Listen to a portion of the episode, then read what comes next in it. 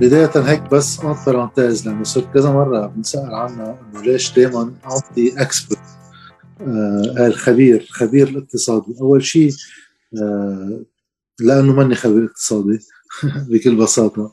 ثانيا لأنه آه أنا عندي مش لحالي في بتصور آه رأي كبير بالعالم مش بس بلبنان حول فكرة الخبراء الاقتصاديين اللي هي آه، مهنة استحدثت ايديولوجيا مش لأنه هي شيء موجود de facto الاقتصاد منه علم ليكون في حدا expert فيه كأنه بيقدر يعطيك فورمولا للحلول. الاقتصاد هو مثل العلوم الإنسانية sciences humaines يعني آه، بيعطيك ميثودولوجيا للتفكير لتحدد خيارات مثل ما السياسة بسموها علوم سياسية بس منا علم بالمعنى الطبيعي العلوم الطبيعية. آه، فهي بتحدد لك خيارات وبالاقتصاد في خيارات. بمجرد ما نمشي بقصة الخبراء الاقتصاديين وكأنه نحن فينا نلزم هذا الشيء لناس بيعطونا الحلول ونحن بنطبقها هيدا التفكير خلق كاست خلق فئة من الناس تحت صفة خبراء اقتصاديين يلزموا الاقتصاد بياخذوا فيها خيارات سياسية جذرية لمصلحة فئات وضد فئات وتحت شعار إنه هيدا علم على حسابنا.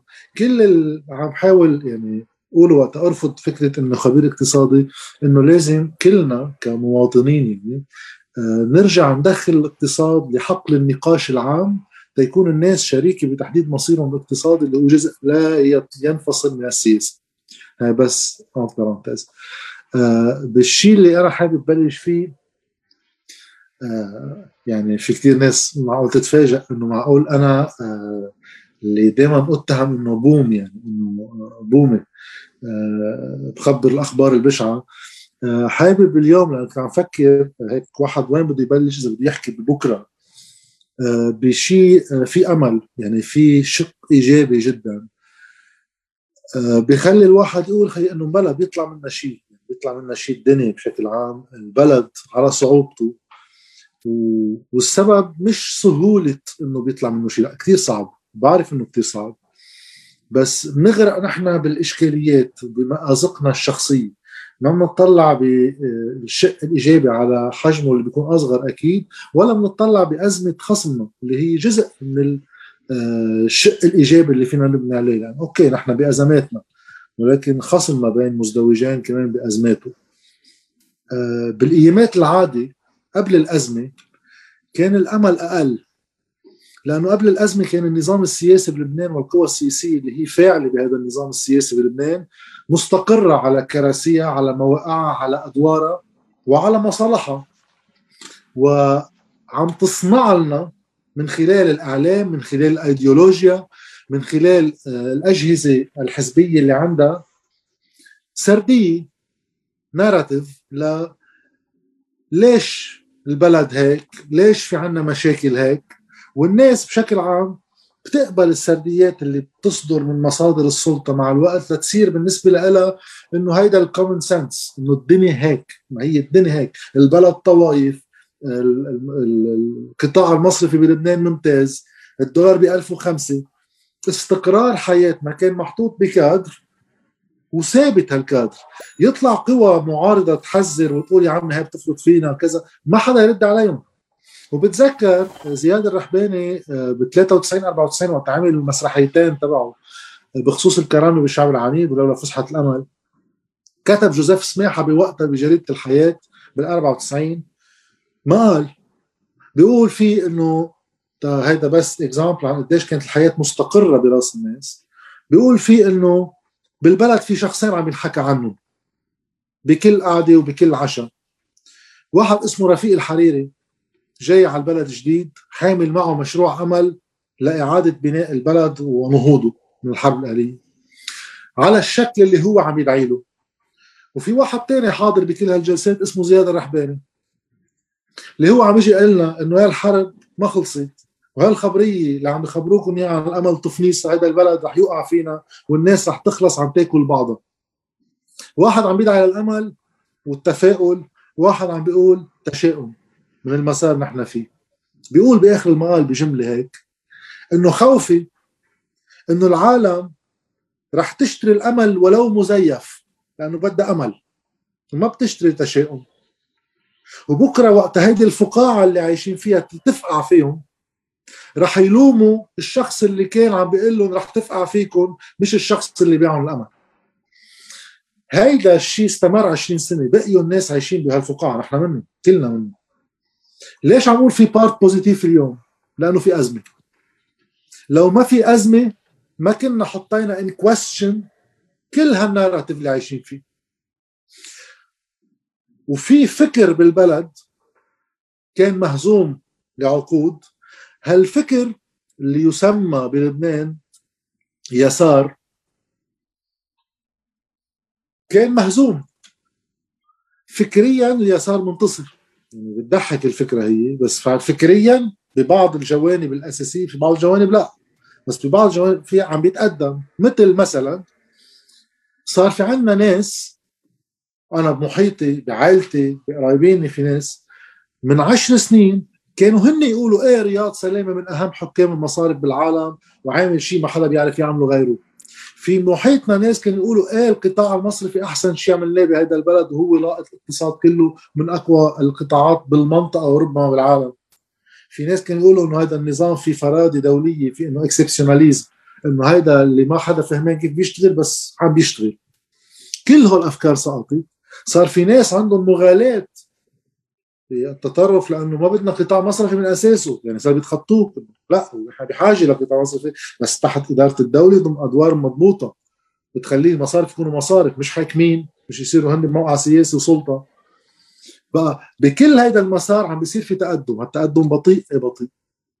بس تخيل لو ما عم بيصير. هل هالمسار في حتمية تاريخيه إنه رح يكبر ورح يقدر يوصل للحكم لا ما في حتمية بشيء في يرجع يتراجع فينا نروح أيام اسوء بس على القليلة الأزمة فتحت لنا فتحة بهالباب. إذا واحد ما بيشوف هالفتحة وبيضله عم بيطلع بكل السواد يمكن ما ينتبه إنه في شيء تعال ندفشه سوا.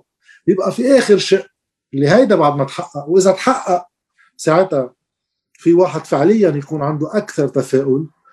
اللي هو إنه الناس تقتنع إنه هذا الباب هن شركاء بإنه يفتحوه أما يسكروه مش حدا عم بيحضر فيلم وننطر تنشوف مين بده يربح بالاخر هذا بس اللي حبيت بلش قلت كذا شغلة من 17 20 ل 4 اب reaction الناس على اثنين وعلى ال conclusion بالآخر وين صرنا. أنا إذا بدي بلش أول شيء 17 تشرين أنا برأيي آه، الشعارات اللي تركبت سياسيا على 17 تشرين لا تمت لحقيقة ما صار ما حصل ب 17 تشرين بصله صح إنه رمزيا الناس بلحظة معينة في واحد يطلع فيهم يقول نزل الشعب اللبناني بين مزدوجين لأنه شو يعني الشعب اللبناني؟ في ناس ما نزلت. في ناس مش هينة بعددها ما نزلت. بس كان حدث غير مألوف إنه الناس تنزل من دون جهة حزبية معروفة داعيتهم بهالكمية باختلاف مناطقهم آه، اللي بنعرف الحواجز الطائفية اللي كانت تخلي مناطق تتحرك وقت مناطق ثانية ما تتحرك. هالمرة لا كان في تحركات آه، آه، متزامنة على القليلة بالبلد كله. هل هذا الشيء بيعني إنه الشعارات اللي انكبت عليها لهيدي الانتفاضة على قد جسمها ولا أيام أضيق شوي أيام أوسع شوي؟ أنا برأيي لا مش على قد جسمها. كان في كثير آه، مقارب سياسية آه، من خلال وصف 17 تشرين. هل 17 تشرين ثورة؟ بكل مقومات الثورة واحد ما في يقول 17 تشرين ثورة. ليش في قوى سياسية بعدها لليوم بتوصفها إنه ثورة وبيوصفوا حالهم؟ عادة بدك حدا يوصفك مش مش أنت اللي بتوصف نفسك. يوصفوا حالهم بالثوار. ما في connotation سياسية لتعطي آه، صفة morale صفة آه، قيمية لحدا أعلى من الثاني أنا برأيي مبلغ طيب الحديث الثاني اللي إنه الشعب اللبناني بلحظة 17 20 خلع توب الطائفية عنه. ونزل موحد بالشارع.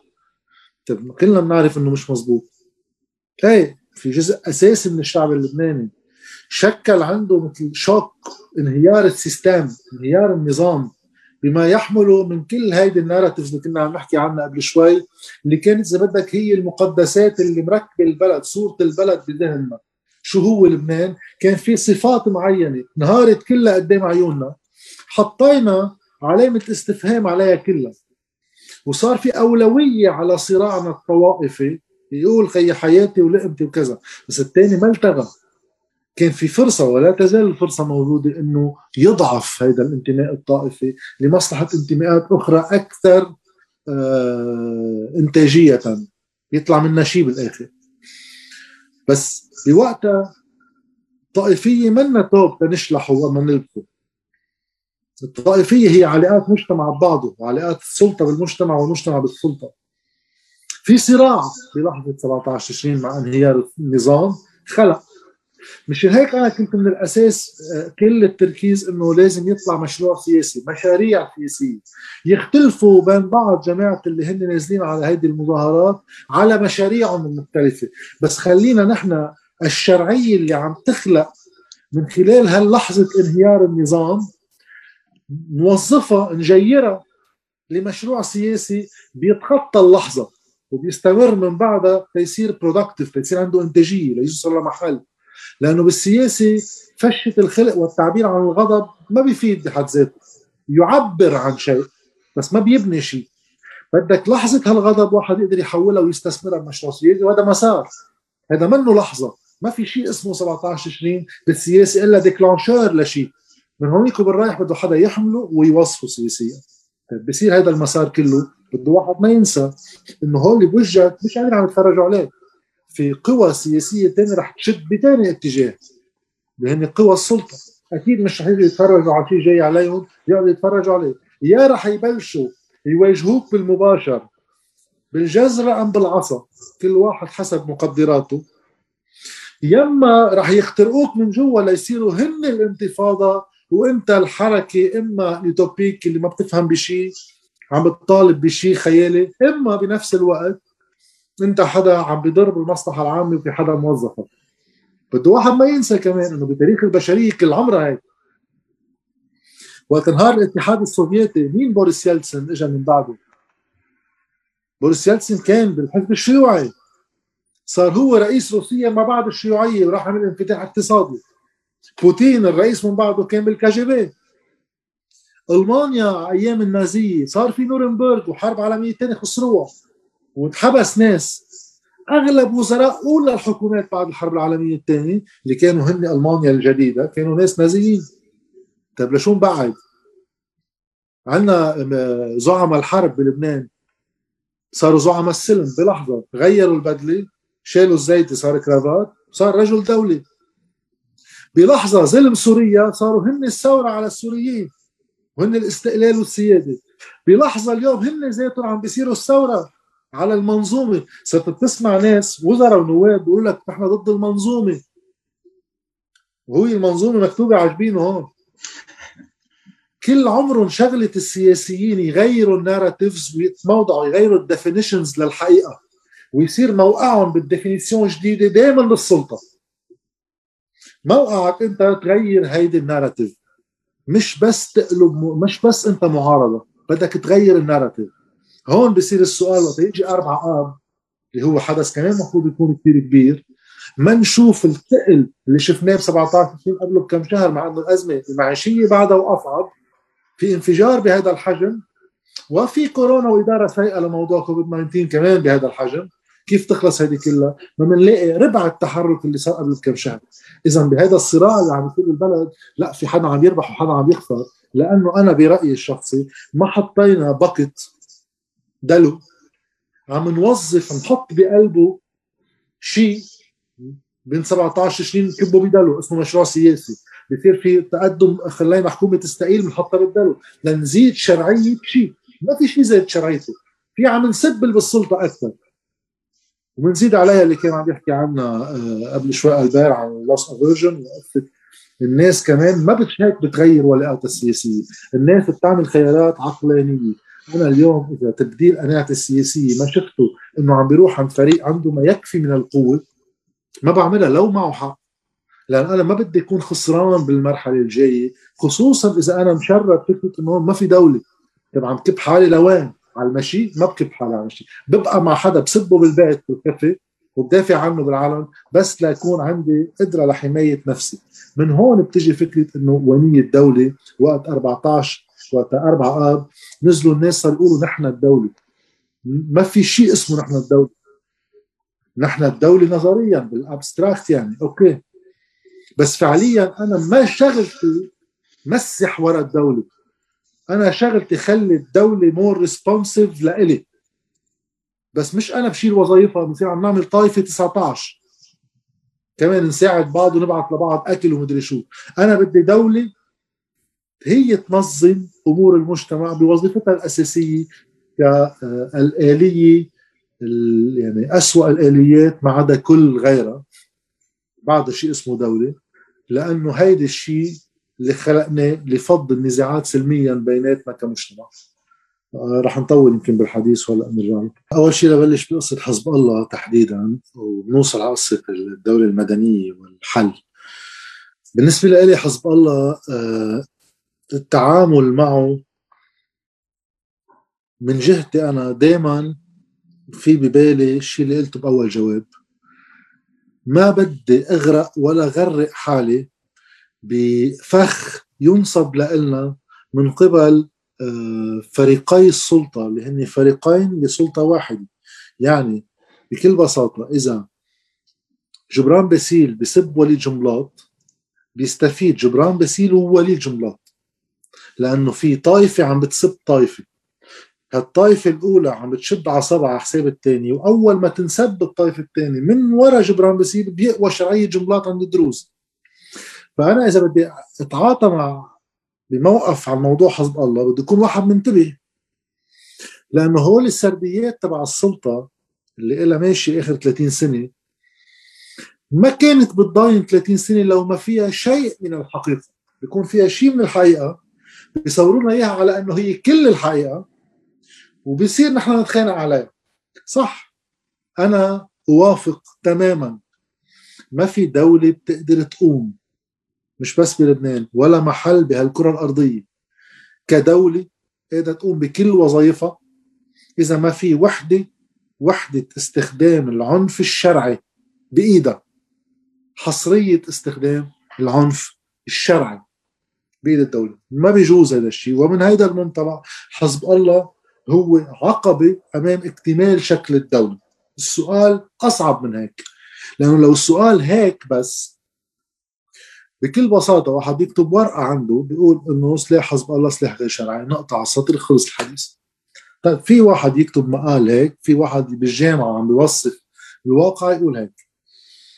بس إذا أنا عم بشتغل سياسي أو عم بعلق على أدوار سياسية مفروض وقت يخلص هالجملة تقول طيب شو الحل وكيف بوصل لدولة في عندها حصرية لقدرتها لاستخدام العنف الشرعي وقت بدي بدي جاوب على السؤال كيف بدي آخذ بعين الاعتبار موازين القوى الموجودة بالبلد لما أقعد شلف حكي ما له أي قدرة تطبيقية. وتاني شغلة بدي أفهم ليش وصلنا لهون. هون ببلش شوي يخلق النيانس ما يفوت بالسردية هيديك. اللي هي إنه حزب الله من سنة 82 مش لحاله وجزء من كل الميليشيات اللي كانت موجودة بالبلد بوقتها كان بيفتح حسابه يعني بيفتح حسابه سلبا أو ايجابا. في ناس فتحوا حسابهم لفعليا يحموا ناس في ناس فتحوا حسابهم ليقتلوا ناس. فوضى ما في شيء معيار لتنتظم الحياة العامة حواليه كل واحد يعمل بده. طيب بالجنوب وبالبقاع في الاحتلال الإسرائيلي بيروح وبيجي طلع فريق ليدافع عن نفسه بما إنه ما في دولة تدافع عنه. هالفريق هذا مع انتهاء الحرب بما إنه الحرب ما انتهت لدولة انتهت إلى تكريس اللا دولة. من خلال اقتطاع وظائف الدولة ليقبلوا زعماء الميليشيات يوقفوا قواص على بعض صارت وظائف لهم يعني بدك خدمات مش الدولة بتعمل خدمات فلان وفلان وفلان. طيب نوقف ساعتها نقتل بعض. هيك ارتضوا زعماء الميليشيات يوقفوا الحرب. بهذا الوضع ما خلق دولة بعد طائف تقدر تقوم بوظائفها كلها ومن ضمنها الدفاع. استمر واقع حزب الله اللي هو خارج عن المفهوم النظري للدولة لأن ما في عنا دولة بالبلد. استمر. ولكن باستمراره صار شغلة إضافية كمان. حقق إنجازات عسكريا عم بحكي.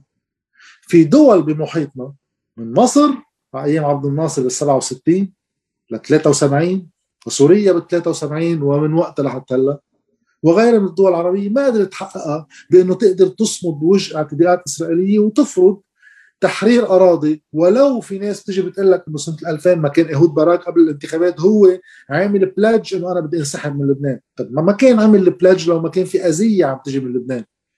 بقى لا بده واحد يعترف تيكون منصف وقت يحكي مع الناس إنه هيدا الفريق السياسي العسكري حقق إنجازات على صعيد بلد صغير مثل لبنان. كل عمره بنظر الناس إنه هن هيلبلس كأفراد وكبلد. مشان هيك دائما بننطر الخارج شو بده يعمل لنا تسويات. نحن بلد صغير مين بيسأل عنه؟ اجى فريق يقول لا أخي وقتها بتقدر تنظم حالك. وأكيد بتمول حالك في دولة وراك مثل ما كل المنظومة بدها تشتغل سلاح داخل بلد بدها تشتغل. بس قادر تعمل شيء. ما هول جماعة حزب الله. هول اللي بيحملوا سلاح هول لبنانيه مثلهم مثلك. بس انتظموا بإطار وقدروا يعملوا شيء. طيب خلقت شرعية لهذا الفريق عالية كثير عن جمهوره لأنه فرجاهم بأم العين باللمس إنه لا خي كفئة اجتماعية كنا بمحل وصرنا بمحل وكقدرة سياسية وعسكرية هالبلد كله كان بمحل ونحن صرنا بمحل ثاني طيب تبقى المشكل موجود. وخصوصا وقت حزب الله بلش يشتغل سياسي إنه آخر شيء عم يشتغل كان لحديت 2005 مقاومة ما بيتعاطى تقريبا إلا بالمجلس النيابي وفعليا دائما معارض ما بيعمل شيء لا بيدخل بحكومات لا بيعمل شيء. وتفوت بالسياسة صار في حدا عم يشتغل سياسي وعنده وزراء فاذا وظيفيا هو مسؤول عن الوضع وتطوره سلبا ام ايجابا بس بنفس الوقت هو آخذ distance من الدولة. ما بتزبط. ما بتزبط. ضلوا عم يلعبوا على هال nuance. أنا برأيي بنجاحات وإخفاقات متفاوتة لحديه لحظة 17 تشرين symbolique ما 17 تشرين يعني لحظة انهيار النظام السياسي من وقتها بلش أنا بالنسبة لي يزيد المشكل مع حزب الله لأنه بوقتها حزب الله اللي هو لم يدخل في السلطة لأنه مقاومة ولم يدخل في النظام السياسي حمي كثير ناس بالسلطة وكذا عرس بس هو كفريق بقي محصن من انهيار النظام. ما عنده حسابات بالبنوكي ففي ياخذ موقف ضد البنوكي أجرأ من غيره. ما عنده ناس بين نوابه منشريين من جماعة البنوكي لأنه ممنوع يتعاملوا معه المفروض كتلته تكون محصنة ضد المصارف بشكل أكبر. طيب أنا ما بفهم ساعتها ليش حزب الله بده يصير هو الحامل الأول للمنظومة كلها سوا. من خلال دعوته لسعد الحريري بعد 17 تشرين لعدم الاستقالة وتبقى الحكومة كأن شيئا لم يكن. يقوم بيستقيل. حتى وقت جابوا حسان دياب بدهم رضاع عن حسان دياب ليقبلوا.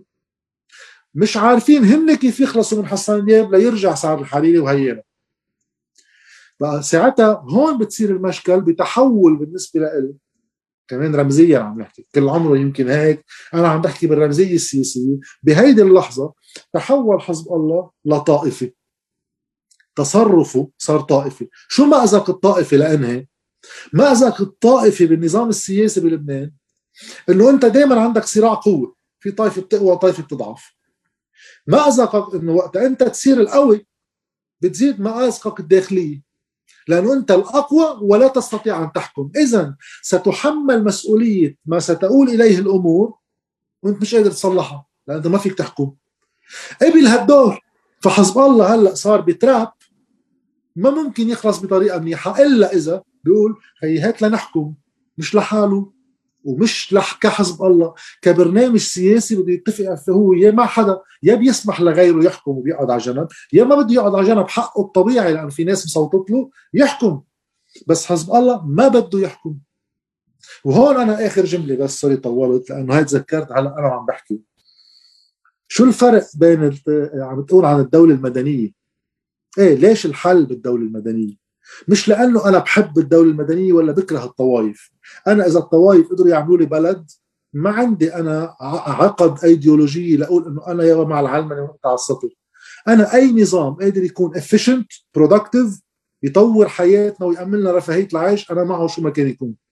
أما وقد فشلت الطائفية تعمل لي شبه بلد بيجي بتطلع by elimination بحذف الخيارات. شو بقي لي أنا تعامل دولة دينية ما بقدر في عندي كثير طوائف رح يقبروا بعض. تعامل دولة عسكرية ديكتاتورية مش قادر يكون عندي راس واحد لأنه في طوائف وفي خارج وداخل وغيره. طيب شو بقي لي أنا ليكون هالدولة قادرة تكون عندها شرعيتها الخاصة فيها؟ ما تستعير شرعيتها من طوائف. شرعية خاصة فيها غير إنه كل الناس متساويين. بغض النظر عن انتماءاتهم هيدا هو معنات انتمائك لشيء اسمه لبنان. ساعتها لبنان ككلمة بصير لها معنى. هلأ بتسأل واحد بالشارع أنت شو؟ بيقول لك لبناني. بتضحك عليه. ما لها طعم. شو لها معنى؟ إذا بيقول لي شيعي ولا ماروني بفهم عليه. هذا من وين جاي؟ بالسياسة وين؟ تنخلي كلمة لبناني يصير لها معنى ما ممكن إلا من خلال دولة مدنية. وهيدي بيعرفها حزب الله مفروض ولو هو حزب ديني. لأنه بمقابلة عملها السيد حسن نصر الله مع آه، الشهيد جبران تويني بسنة ال 95 كان عم يتعرف فيها على حزب الله. بيسالوا انه أنتم حزب ديني؟ وعرضا بيقول طائفي بيجاوبوا السيد نصر الله شو بجاوب؟ بيقول لا في فرق كثير كبير بين حزب ديني وحزب طائفي وبيشرح شو الفرق. بيقول الحزب الديني شغلته يمشي بالمورال الديني. يعني إذا في شيعي اختلف مع سني ولا مسيحي بالمنطق الديني ما بسال إذا شيعي ولا سني ولا مسيحي. بشوف على مين المسؤوليه وبحمله المسؤوليه بالمنطق الطائفي بتصير عشيرة. إذا في شيعي أخطأ ببقى معه ولو أخطأ لأنه شيعي من العشيرة. هل بعلاقة حزب الله مع نبيه بري ما في هالتصرف هل بعلاقة تصرف حزب الله كبيئة شيعية مستقلة يعني بالأولويات عن بقية البلد وإدارتها؟ ما في هذا المنطق الطائفي. هيدا اللي فيه واحد يحل الإشكالية عبر الدولة المدنية. كل الناس سواسية. خلينا نحط الفصل بالحق والباطل اللي هو اسمه قانون. بينطبق على الكل من دون استثناء. أول شيء آه، في واحد يبلش من محل ما كان عم يحكي البار أنا بتفق تماما إنه وقت واحد يحكي عن الدولة المدنية والعلمانيه آه، هيدا prerequisite لحل بس منه حل. لأنه بس واحد عم يرجع يرجع قوانين اللعبة. هيك يصير في قوانين للعبة اللي اسمها سياسة. لتكون هالقوانين تخلق لعبة productive بيطلع منها نتيجة. ولكن الأهم يمكن بكلمة الدولة المدنية هي أهم المدنية هي الدولة نفسها. لأنه بلبنان نحن ما عندنا دولة. وأنا تأنهي بس شغلة بقصة حزب الله اللي بتفوتني على هذا الموضوع. آه، حزب الله الإشكالية اللي عنده إياها هي إنه آه، حاجة الدولة لتحصين الوظيفة الدفاعية عن البلد. لأنه فيك لفترة تدافع عن البلد ضمن ظرف سياسي معين عطيك قدرات محلية وخارجية. ولكن على مدى طويل بيتخطى أعمار البشر يمكن حتى أيام 30 و40 و50 و60 سنة. أنت إذا منك محصن حالك بدولة عندها شرعية ما أنت معرض تخترق من قبل أعدائك اللي انت خلقت هالمقاومه لتدافع عن بلدك ضدهم. لأنه المجتمع منقسم وفي إمكانية ما في جهة تحصن هالمجتمع ككل. يخترق المجتمع نفسه. والانهيار اللي إحنا عم نعيشه أنا برأيي يعرض المقاومة كفكرة اجتماعية للاختراق لأنه الناس وإمكانياتهم المادية كلفت آه، آه، اختراق المجتمع بجواسيس وعملاء وغيره. هون نجي على شرعية الدولة وأهميتها بأنه هي بتخلق هالوظيفة الكاملة على كل هالشقفة الأرض. طبعا هلأ بالتعريف الأول البسيط جدا للدولة أنه هي أرض محددة جغرافيا بإطار محدد يعني. عليها ناس وفي توافق بين بعض على كيفية إدارة شؤونهم العامة يسموها دولة سلطة. يعني سلطة شعب وأرض. بس النقطة الأهم بهيدا مسار الدولة هي كيف تأسست فكرة الدولة؟ من وين إجت؟ واحد يعرف مصدر الشرعية من وين بيجي. بالبداية يعني نحكي بالبداية يعني عم نحكي يمكن شي 80 ل 100 ألف سنة. بداية تأسيس هيدا الشيء صار يصير من تطور اجتماعي يكتروا الناس بمناطق معينة. دائما هالمناطق هيك يكون في جاذبية إنها تروح لمطرح ما في شي نهر بحر أي شيء بيخلي الأرض تصير خصبة ليصير في قدرة للأكل ليقدروا يعيشوا. أما من خلال الاصطياد. بس مع الوقت بلشت تتطور إلى حد ما القدرات الإنتاجية بالزراعة وغيره. فكان الأول أول أشكال الدولة هي مش دولة هي عشائر. هيك تنظيم قبلي صغير بينظموا بعض جواته الدولة صارت تصير حاجة أكثر وأكثر وقت صار في شيء اسمه فوائد فائض. أنا كنت أزرع آه، خيار أكلهم يخلصوا ببقى عايش ارجع أزرع غيره. بعدين انت بصرت أزرع يطلع لي 30 40 كيلو خيار. أنا ما راح أكلهم كلهم. شو بدي أعمل فيهم؟ صار تحديدا ل انواع المنتجات اللي هي بتحمل وقت ما بتهتري بسرعة. صار في يخزنهم وارجع بدلهم مع حدا تاني بشي تاني. وسعرهم بهالموسم لأنه عم يطلعوا بالأرض بيكون أقل من إذا ببيعوا إياهم بالشتاء أنا مخزنهم بس بقى في زراعة منهم مثلا. بيجي بعطيه إياهم. صارت فكرة الاقتصاد بلش يركب. صار في بكل منطقة بين هالقبايل بدهم يضطروا كل منطقة تخلق مركز عندها. تحفظ فيه فوائدها. لأنه كل فائض بده حماية وما يقتلوا بعض عليه لأنه بيعرفوا إنه هذا طلع فائض بيروح بيقتلوا بالليل بيقتلوا إياهم. خلقوا أماكن معينة لها حرس وصار في شيء مثل الدين. لأول مرة بصير في شيء مثل الدين. إنك أنت بتحط هولي بيعطيك مقابلهم ورقة وصل إنه هيدا حط عندي 30 كيلو خيار مثلا. صار في عملة sorry العملة. هاي كانت أول form عملة. أكيد ما كانت ورقه كانت نقش على الحجر كل ما يكون معك عدد منه. هيدا المحل اللي عم نحمي فيه نحن فوائدنا. تما نقتل بعض عليهم. تنقدر نتبادلهم لاحقا. كان بحاجة لهالناس هول كلهم كانوا يا مزارعين يا يعني اكلوا حيوانات لياكلوا كانوا بحاجة لجهة موثوقة منهم. تقول لهم إنه أنا بحميها. وكل واحد معه هالحجرة. مقابل الوصل يعني مقابل البضاعة اللي حطها هون. وقت يجي على الأكيد هالحجرة لها قيمة ومعترف فيها وبتاخذ مقابلها بدها ثقة. هون كانت أول أطر نشأة الدولة بشكل البدائي. وكان دائما هالشخص اللي هو بيعطي شرعية ل لهيدي النقد الحجري. ولأنه هيدا وقت أحط فيه بضاعتي أنا ما حدا بيسرقهم كان غالبا ما يكون يا عنده صفة إلهية يعني الزعيم الله بعث لنا يما بالنسب إنه هو من عائلة تمتد لما بعرف شو. دائما هيك كان يكون. أه تيقدروا الناس يوثقوا بتعاملاتهم بين بعض بس صار بحاجة هذا ليأمن بين مزدوجين عسكر ليحمي هالمنطقة اللي فيها فوائد الناس وليمنع حدا يعتدي على الثاني بخصوص تداول بين بعض. فصار في عنده عسكر كمان هاي قصة صار يكتروا الفوائد صار بدك إدارة. بدك ناس تعد مين عم بيجيب شو وقديش في يعني صار في حاجة لوزارة مالية بين مزدوجين. وبلشت تكبر وظائف الدولة. بتوصل محل وظائف الدولة بتصير كبيرة. إذا وظائف الدولة إجت لتنظم المجتمع كآلية فض نزاع فضلهم نزاعاتهم بأطر سلمية. هاي نشأة الدولة الأساسية. آلية فض نزاع ابتضيناها بين بعض. بأطر سلمية. مجازا تسمى مع الوقت هذا الشيء صار في حريات بطلت قصة أكل وشرب. صار في نمط عايش بدي أحترمه بدي أحافظ عليه بدي أوسع الحريات العامة. بلشت تطلع نظريات العقد الاجتماعي contrat social. هذا طبعا ما حدا قاعد ولا بمحل ولا مضى عقد ولا حدا وافق على شيء. هذه فكرة مجازية لكيف الدولة بتاخذ شرعيتها مش بس من إطارها الوظيفي وظيفيا. يعني الفونكسيون تبع قدر بتعمله اللي هي تحفظ لي مصرياتي وتنظم لي حياتي. ولكن بدها رضا شعبي. بدها الناس تكون راضية عن وجودها. الرضا الشعبي طبعا إلاستيك يعني هذا مطاط مش ضروري يكون كل المجتمع راضي عن الدولة. بس لازم يكون في ما يكفي من الشعب راضي عن مسار الدولة ليصير فيها الدولة عندها شرعيتها الشعبية اللي هي حاجة وشرعيتها الوظيفيه اللي هي أيضا حاجة تقوم بمهامها لشو خلقناها. بلبنان عادة بدول العالم اللي بيصير وظيفة الشرعية الوظيفية بتبقى عادة لأن الدول بتكون دول في عندها مؤسسات وكذا.